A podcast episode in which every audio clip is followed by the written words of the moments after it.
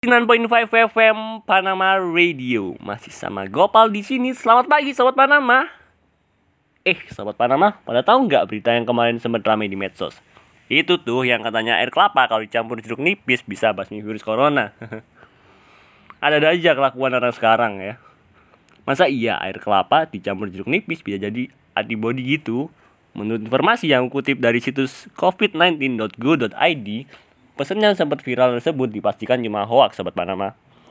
Baik air kelapa dan perasan jeruk nipis sama-sama punya manfaat kesehatan, tetapi tidak ada bukti ilmiah bahwa keduanya bisa membasmi COVID-19.